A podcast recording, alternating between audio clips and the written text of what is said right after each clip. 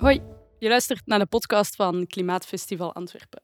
Vandaag in onze studio online via een teamsvergadering hebben we het genoegen om met Zakia Katabi te spreken, federaal minister van Klimaat, Leefmilieu, Duurzame Ontwikkeling en de European Green Deal.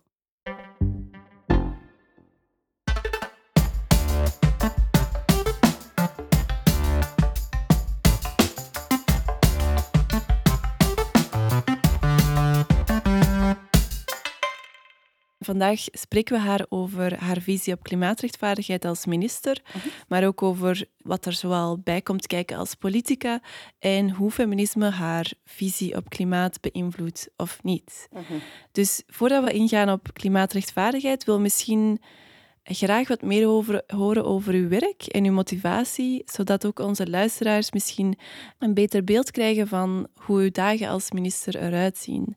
Dus misschien als een eerste vraag kan u uzelf en uw werk introduceren. Dus zoals uh, je hebt gezegd, ben ik federaal minister van Klimaat, Leefmilieu, Duurzame Ontwikkeling en Green Deal.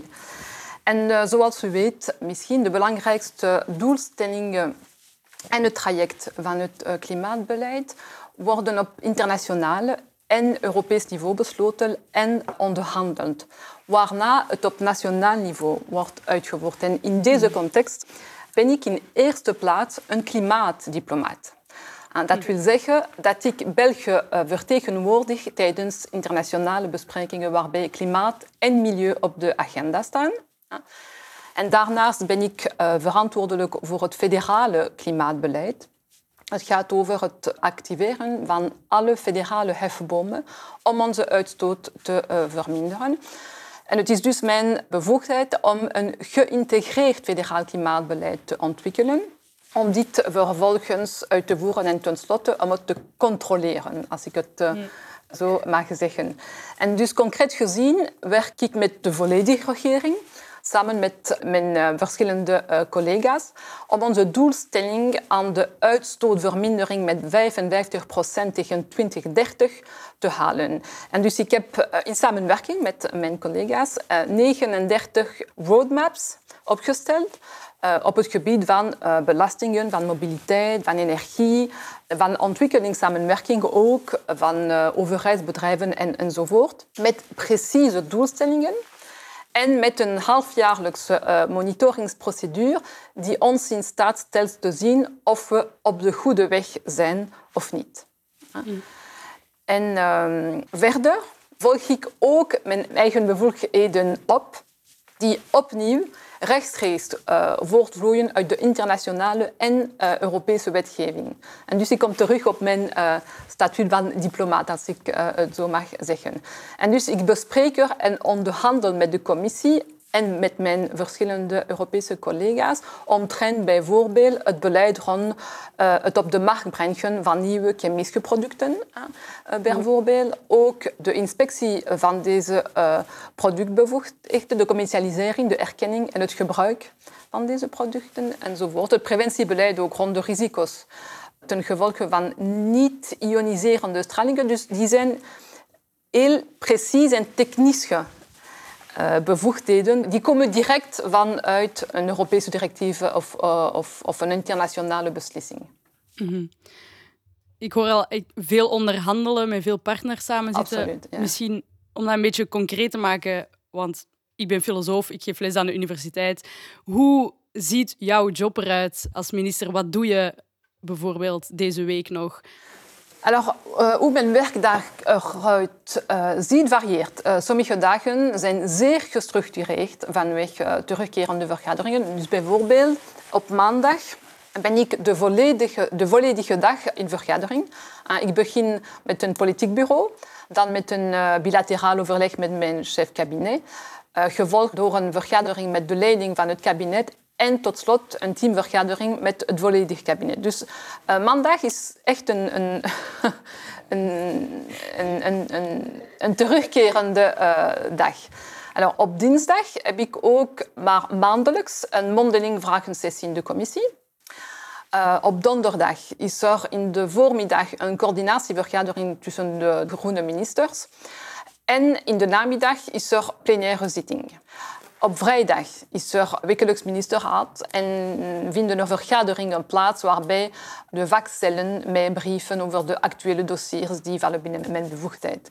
En de overige dagen plant men met de werkster aanvullende vergaderingen in, zitbezoeken of dialogen met het middenveld en stakeholders en, en, en, enzovoort. En ik probeer minimaal een keer per week een terreinbezoek in te plannen. Dus dat is ja, een algemene visie op, een, eh, op mijn week.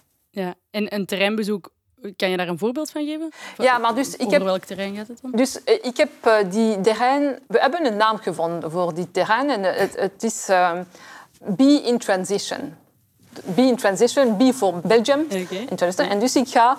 Uh, ik ontmoet in Vlaanderen, in Waals, in Brussel de actoren van de transitie. Dus uh, mm. uh, allez, het gaat van de usual suspect, als ik het zo uh, kan zeggen, tot de grote industrie enzovoort, om te zien hoe elke actor in zijn bevoegdheid, als ik het ook uh, kan zeggen, ook zijn deel neemt in de transitie.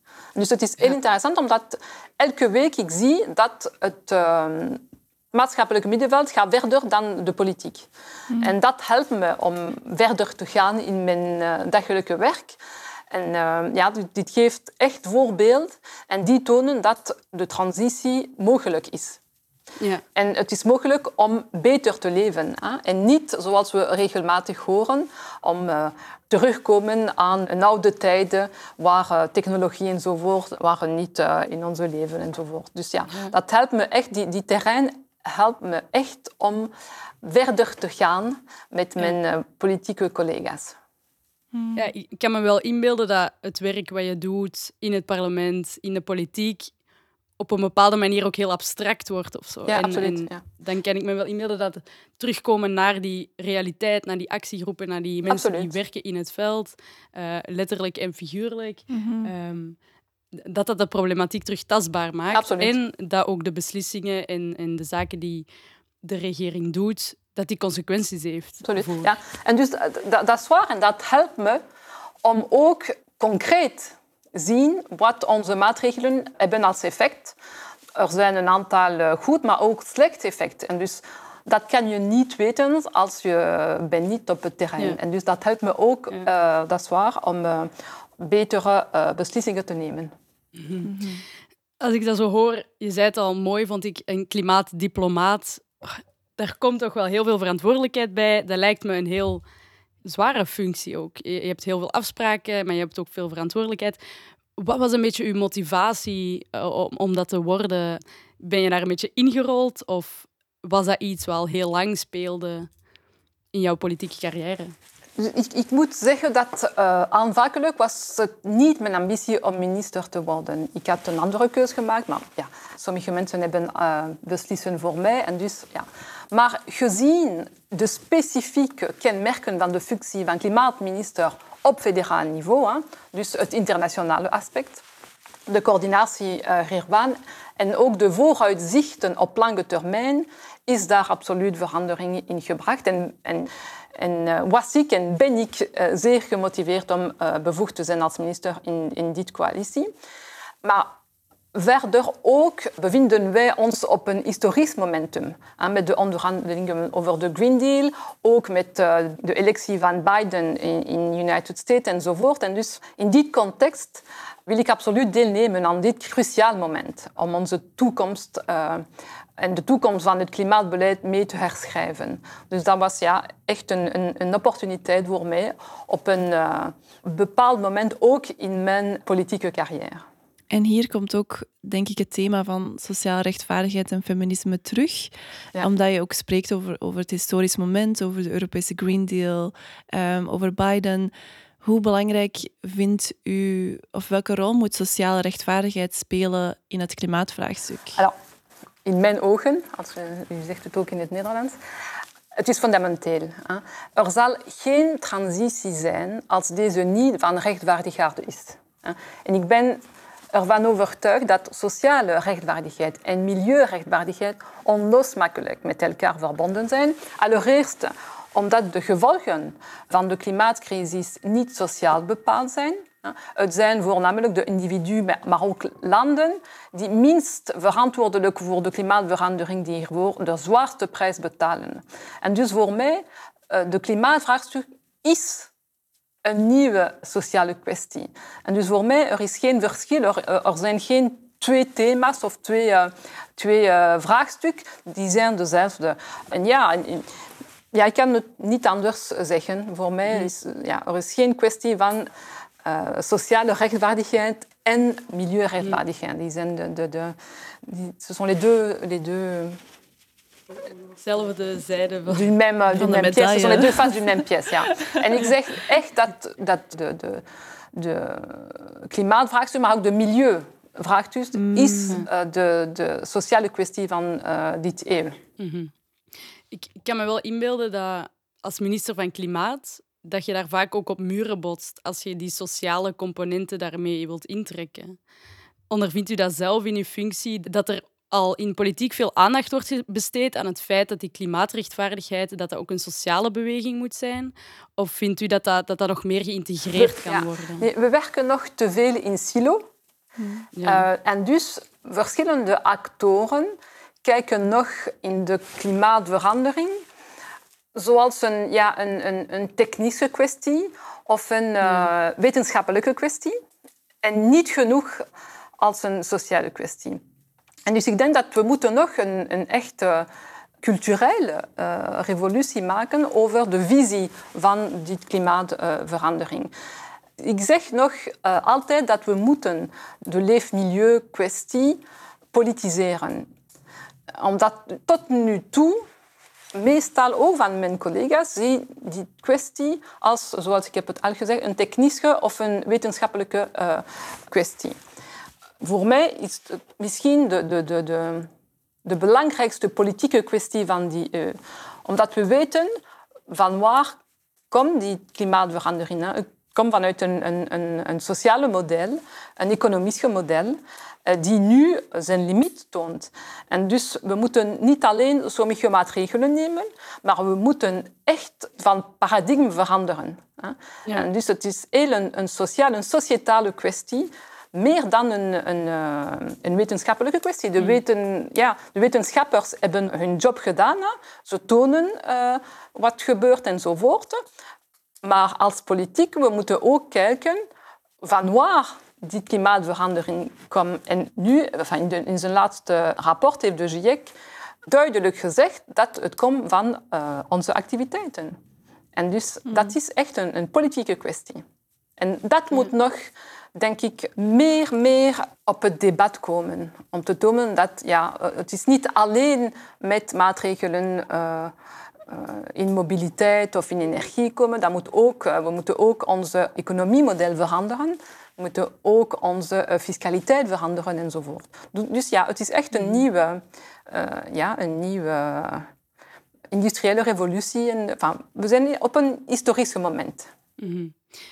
Wat is daarvoor nodig, denk je, voor een, die paradigma-shift? Die culturele revolutie. Te ja. Misschien hoe kunnen wij daaraan bijdragen of zo? En hoe kan jij daar als minister van Klimaat daaraan bijdragen? Ja. Wel, het is een, een vraag, maar vanuit mijn bevoegdheden. Dus tot de laatste uh, regering was klimaat- en energiebevoegdheden in de handen van één minister.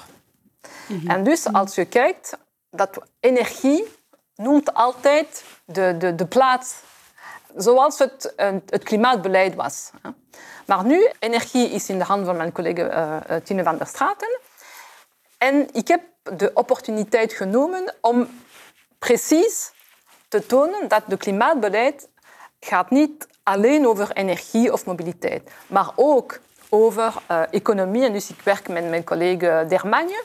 We werken aan verschillende maatregelen om vanuit een uh, lineaire economie tot een circulaire economie te komen. Dat is echt een, een, een revolutie, maar we zijn alleen maar in het begin. Hè.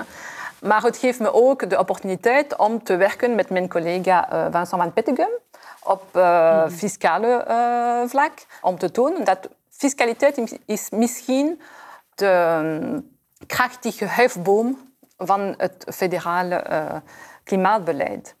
En zo toon ik dat Onze klimaatbeleid gaat over meer dan alleen maar mobiliteit enzovoort. Mm Maar dat is niet gemakkelijk, dat is echt een culturele revolutie. En, maar hoe lang hebben mijn uh, groen collega's die staan uh, in de regering van Verhofstadt? Hè?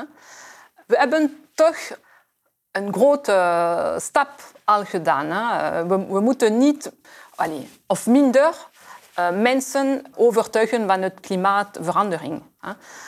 Voilà. Dat hebben we al nu gedaan. En nu, de volgende stap is te tonen dat ja, uh, we hebben meer dan sommige maatregelen, mobiliteit en energie, om echt onze doelstellingen te halen. Maar dus ja, als we elke dag een stap uh, doen in de goede richting, is een stap dat we moeten nemen. Ja. En hopelijk op tijd. Ja, absoluut. Ja, ja, absoluut. Want, ja, maar dat is waarom we hebben we ook, hebben, dus, ook we hebben doelstellingen, maar we hebben ook een agenda. Dus we hebben op federale uh, vlak hebben we een doelstelling van uh, min 55 procent voor 2030. Hè. En, en, en, met onze klimaatgovernance uh, zien we elke zes maanden als we dit doelstelling halen of nee. En als nee, wat moeten we veranderen enzovoort. Dus ja. U gaf ook al aan dat de functie vroeger zowel klimaat als energie omarmde. Ja. En dat uh, u bent specifiek uh, federaal minister van Klimaat, Leefmilieu, Duurzame Ontwikkeling en Green Deal. Mm Ik vraag me alleen nog af, u zei daar straks ook dat het gaat om het verbeteren van het leefmilieu. Maar wat is dan juist het verschil tussen klimaat en leefmilieu? En hoe komt dat dan voor in uw functie? Donc, er zijn links tussen klimaat en uh, milieu, maar we, uh, we, hebben nog niet genoeg aandacht gegeven aan milieu. Dus die zijn structureel gelinkt. We weten dat klimaatverandering heeft een impact op onze leefmilieu en dat verlies van leefmilieu heeft een impact op, op klimaatbeleid.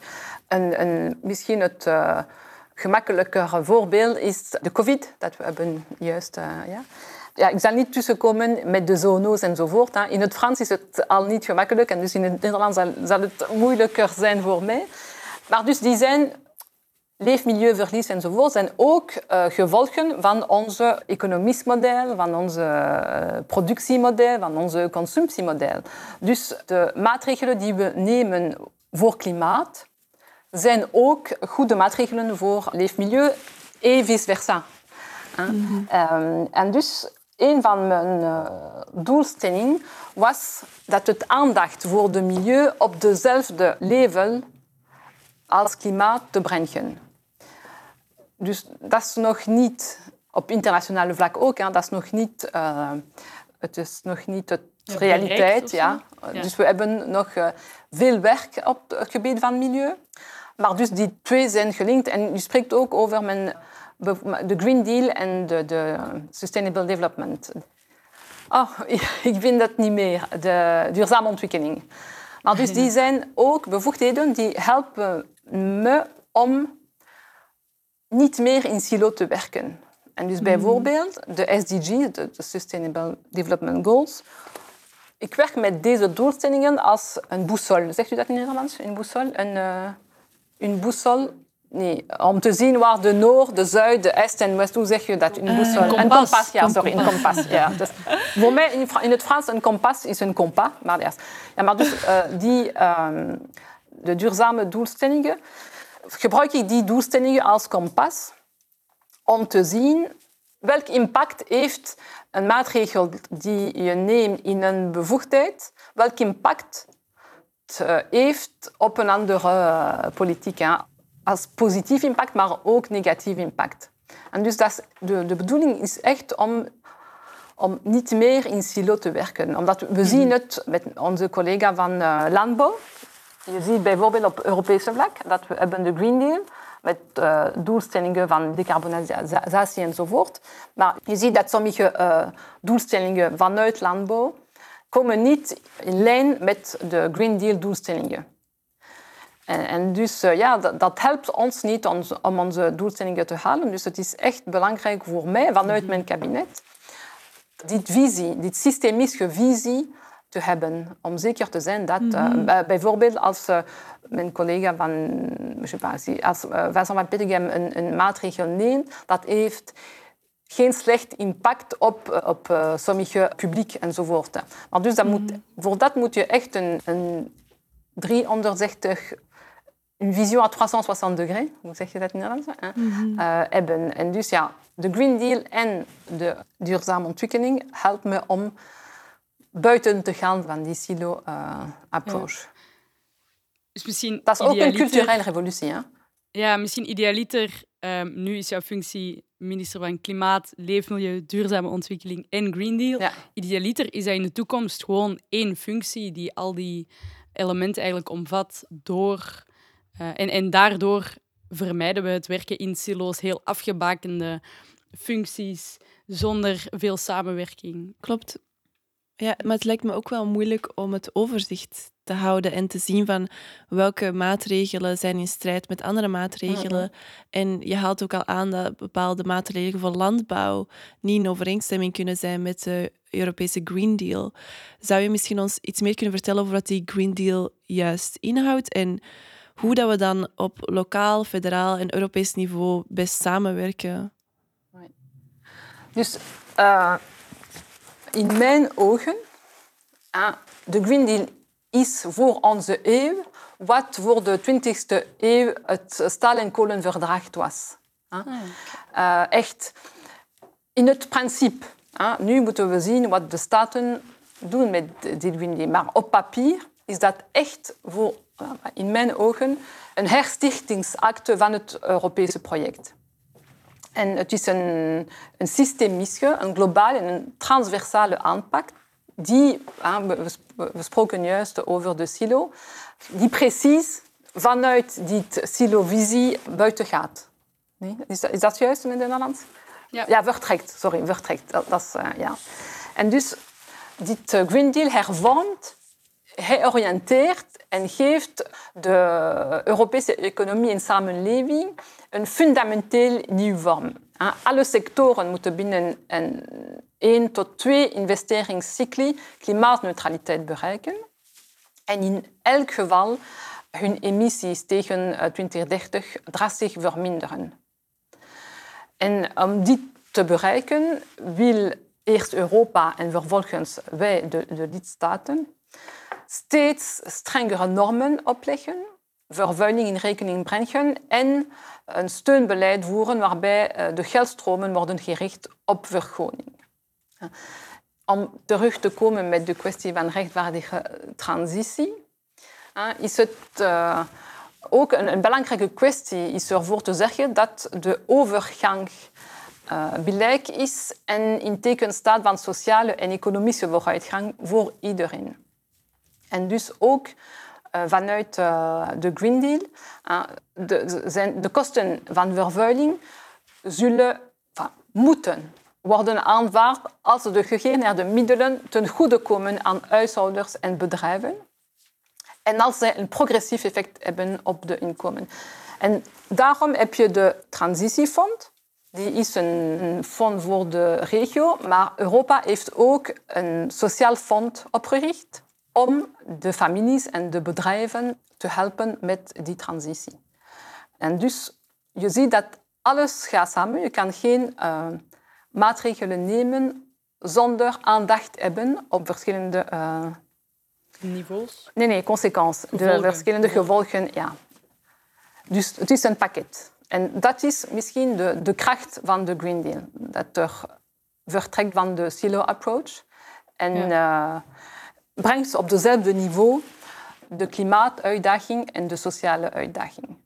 Maar nu, dat is het principe. En als u weet, beginnen we met de triloog, de discussie tussen de commissie, het parlement en de lidstaten. En we zullen zien wat zal de conclusie zijn van de, van de onderhandelingen. En we zullen zien wat die Green Deal, wat gaat gebeuren met de, de Green Deal. Maar dus voor mij is het belangrijk dat alles blijft samen. En dat we tonen dat alles gelinkt is. En ja, voor mij is dat de, la, de, de, de, la plus grande force du Green Deal, de, de, de meeste kracht van de Green Deal, is dit systemische approach. Ik denk wat je zei over het feit dat alles verbonden was, uh, dat komt heel veel terug in mm -hmm. onze andere gasten in de podcast ook. Wij praten over heel veel intersecties. Dus Het is heel boeiend dat jij als minister dat ook zo benadrukt. Uh, ik denk ook dat dat heel belangrijk is. Dat we mhm. dat erkennen, dat dat gewoon een hele complexe problematiek is, die onlosmakelijk verbonden is met andere problematieken en andere fenomenen in de samenleving. En dat we ook best niet op, op eilandjes werken, maar ook echt samenwerken. En, en zoals je al zegt, het gaat over een systematische aanpak, een uh systemische aanpak. En ik denk dat veel van uw visie op sociale rechtvaardigheid komt daar ook in terug. En natuurlijk, een vraag die wij ook wel eh, voor u hadden was: in hoeverre speelt uw feministische visie daarin een rol? Of drijft uw motivatie om het systematisch, om het aan te pakken als problematieken die elkaar beïnvloeden op een positieve en negatieve manier? Wel, het is altijd een achtergrond voor mij. En uh, het feminisme heeft, mij, heeft ons aangezet om uh, vraagtekens te plaatsen bij de verhouding tussen natuur en cultuur. En bij de rolverdeling tussen vrouw en man, voor le dire de manière. Hieruit ontsproot mijn persoonlijke reflectie, maar ook sommige uh, sociologen, over het spanningsveld cultuur-natuur tot onze hele sociale organisatie. En kwamen ze, en kwam ik, ik uh, tot de conclusie dat uiteindelijk alles een sociale constructie is. En uh, dat het daarom mogelijk is om verandering aan te brengen. En zo is mijn politiek engagement ontstart. Hè, van mijn feminisme, om uh, vraagtekens te plaatsen vanuit plaats van mannen en vrouwen en rol van mannen en vrouwen. En om een bredere reflectie te hebben over onze sociale organisatie. En dus ja, als, uh, ja, als je bent akkoord zoals ik was tijdens mijn, mijn studies. En, het is niet alleen een akkoord, het is echt een overtuiging, een conviction, een mhm. overtuiging. Ja, dat alles een sociale constructie is, dus alles is mogelijk. En dus, dus mijn, mm. mijn, ja, mijn politiek engagement mm begint met dat. Het is mogelijk om dingen anders te doen en los te breken van de reeds bestaande sociale constructie die ons dagelijks sturen. Dus daarom ik heb uh, mijn antwoord begin met te zeggen dat het is altijd een achtergrond in mijn reflecties. Hè, die uh, positie vanuit natuur, uh, cultuur. En dus ja, ja.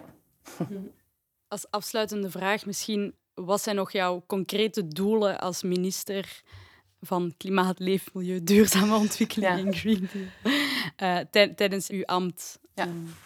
We spreken altijd over verschillende concrete maatregelen, hè, met betrekking tot mobiliteit, tot energie enzovoort. Maar mijn doel om op vlak van klimaatbeleid te landen is een verder geïnstitutionaliseerd kader met een federaal klimaatwet te komen. Maar ook klimaat moet echt als een nationale, maar ook internationale uh, veiligheidskwestie worden benaderd. En dat wil ik daarom nog verder structuraliseren als federaal klimaatminister. En dus ik wil, we zijn, we zijn uh, aan het werken aan een orgaan dat systematisch risicoanalyses uitwerkt die automatisch uh, worden geïmplementeerd door de besluitvormers om zo de weerbaarheid van onze samenleving tegen klimaatverandering te waarborgen. We spreken altijd over uh, de vermindering van onze uh, uitstoot, maar we moeten nu meer en meer aandacht hebben op adaptatie. En dus die risicoanalyse zal ons helpen om verschillende maatregelen te nemen voor financiën, uh, voor uh, onze investeringen in structuur enzovoort. En dat is echt belangrijk, naast die concrete maatregelen, dat we toch nog uh, niet wetenschappelijke analyses over het klimaatverandering, dat hebben we al genoeg, maar echt een risicoanalyse het is ook een doelstelling van, van de Green. Onze, ik weet niet hoe zegt u dat in het Nederlands, la résilience. Onze, Veerkracht? Ja, denk ik dat, dat ja. We moeten ook op dat werken. Uh, we hebben te lang adaptatiemaatregelen vergeten, mm. omdat uh, het was ook een, een manier om, om te zeggen, ja, we hebben onze doelstelling van uitstootvermindering niet halen. En dat is, well, dat is, dat is niet gemakkelijk om toch uh, dat te herkennen. Maar nu mogen we niet meer. Enfin, we zien elke dag de, de, de gevolgen van de klimaatverandering. En dus het is echt belangrijk voor mij om, um, onze klimaatbeleid te institutionaliseren, om zeker te zijn dat de volgende regering uh, met dezelfde doelstelling zal werken, hè, met uh, min 55 procent tot, uh, in 2030, maar ook ja, een instelling die werkt op risicoanalyses. Vanuit financiën, vanuit economie, vanuit infrastructuur en zo, en, enzovoort. Dus echt structureel ja, binnen dat kader van de politiek iets aanpassen waardoor we eigenlijk meer gaan kunnen realiseren mm. met dat orgaan. Ja. Um, en meer zelfs dat, dat als we het niet halen, dat we daar ook oprecht over zijn, daar ook een, een adequate risicoanalyse van kunnen maken mm. als we bepaalde doelstellingen niet halen. Maar dus als we onze doelstellingen niet halen, hebben we beslist in onze klimaatgovernance dat we moeten uh, elke maatregel die geeft niet de effect dat we wachten, moeten we nieuwe maatregels nemen. Maar dus ja, elke zes maanden uh, zullen we zien als uh, welke maatregel geeft de impact dat we dachten en welke niet. En dus we moeten, misschien zullen we onze weg moeten veranderen. Ja. Mm Heel erg bedankt voor het gesprek. Is er misschien nog iets dat je nog wilt toevoegen? Dat we vergeten vragen zijn? Of, uh... Nee, ik denk niet. Ik, ik, ik, denk dat het belangrijk was ook om te tonen welke bevoegdheden op klimaatvlak mm op federaal niveau was. Omdat ja. ja het is... Uh, de concrete maatregelen zijn niet in mijn handen, dat heb je ja. uh, verstaan, die zijn in handen van mijn collega's. Maar iemand moet de coördinatie nemen, iemand, ja. iemand moet de doelstellingen aan elke collega geven enzovoort. En dus uh, we, we, moeten ook een, een, een, visie hebben en niet alleen maar uh, uh, mooie slogan. En, ja, ja, ja, Dus dat is wat we proberen te doen hier vanuit mijn kabinet. Mm Oké, okay, dan, dan, wensen wij u nog heel veel succes. Bedankt. Ja, hartelijk bedankt. Ja. Het was super fijn. Ik heb er heel erg van genoten. Bedankt om te luisteren naar de podcast van Klimaatfestival Antwerpen, een project van Troebel. Als je meer informatie wilt over Klimaatfestival Antwerpen, dan kan je dat vinden op de website www.klimaatfestivalantwerpen.be. Productie, muziek en opname van deze podcast zijn gedaan door Kaat Schild. Beeld is gemaakt door Design Studio Catapult. En bedankt aan 1111 en de burgerbegroting van het district Antwerpen om deze podcast mee mogelijk te maken.